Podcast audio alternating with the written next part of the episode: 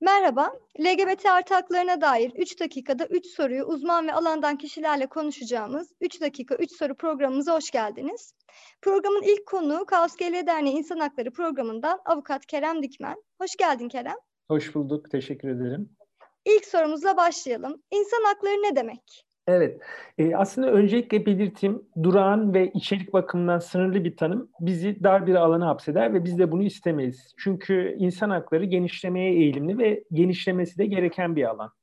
E, şimdi kavramları parçalara ayırarak anlam katmakta yarar olduğunu inanıyorum. E, yasalar tam ve sağdoğan bireyi kişi olarak niteliyor.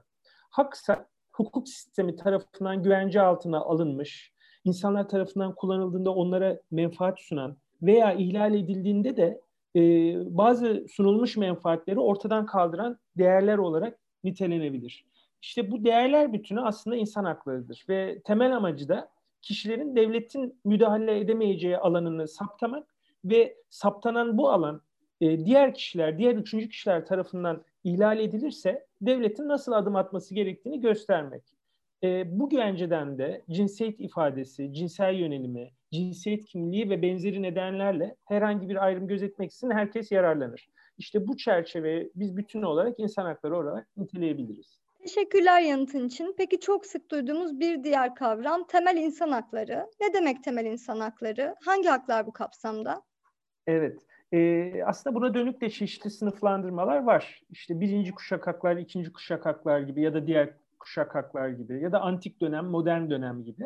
E, biz e, Birleşmiş Milletler belgelerinden hareket ederek buna e, yanıtlar verebiliriz ki bunlar Evrensel İnsan Hakları Beyannamesi, Medeni ve Siyasal Haklar Sözleşmesi ve e, Ekonomik, Sosyal ve Kültürel Haklar Sözleşmesi. Şimdi bazı başlıkları sıralayabiliriz. Öncelikle yaşam hakkı.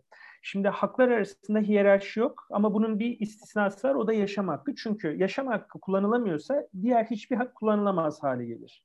Bunun dışında yasa önünde eşitlik, ayrımcılık yasağı, insan onuru, özgürlük ve güvenlik hakkı, kölelik yasağı, işkence ve kötü muamele yasağı, masumiyet karinesi, bir kimsenin aynı suçtan tekrar yargılanamaması, özel hayata saygı gösterilmesini isteme, seyahat, sığınma, mülkiyet, adil yargılanma, yargıya başvuru hakkı, toplanma, örgütlenme, seçme seçilme, sosyal güvenlik, sendika kurma hakkı, ifade özgürlüğü gibi. Ve bundan çok daha fazlası elbette. Gördüğünüz gibi liste uzamaya çok elverişli.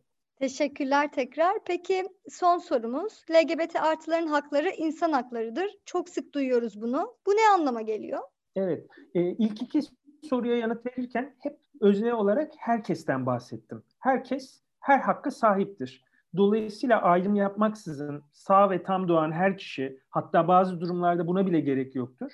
İnsan haklarından yararlanır ve kişiler yasalar önünde eşittir. Ancak insanlar insan haklarından yanaymış gibi davranıp tutum olarak insan hakları kavramına karşı olan kimileri bazı hakları belirli kimlikler için savunurken belirli kimlikler için savunmaz. Hatta bu hakların verilmemesinden yanadır. Örneğin eğitim hakkından anayasada bahsedip ABD'deki siyah nüfusu okullara kabul etmeyen geçmiş pratiklerinde gördüğümüz gibi. Tıpkı bu şekilde topluma tanınan hakların birçoğunu LGBT artıları kullandırtmama şeklinde bir Türkiye pratiği var ve bunu da talep eden bir topluluk var.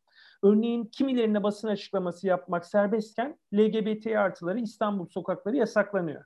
Ya da herhangi bir dernek, herhangi bir film gösterimi yaparken Kaos Geyle'nin gösterim yapması bir takım prosedürlere boğulabiliyor veya geçmiş Ankara yasaklarında olduğu gibi tümüyle engellenebiliyor. İşte bu noktada da LGBT artıların hakları insan haklarıdır demenin anlamını kavramış oluyoruz. Bu aslında devletlere sözleşmeleri ve taahhütlerine uygun davran demekten başka bir anlama gelmiyor. Teşekkürler Kerem. Üç soruya da kısa ve öz yanıtların için. Programımız bu kadar. Gelecek programda görüşmek üzere. Görüşürüz. Ben teşekkür ederim.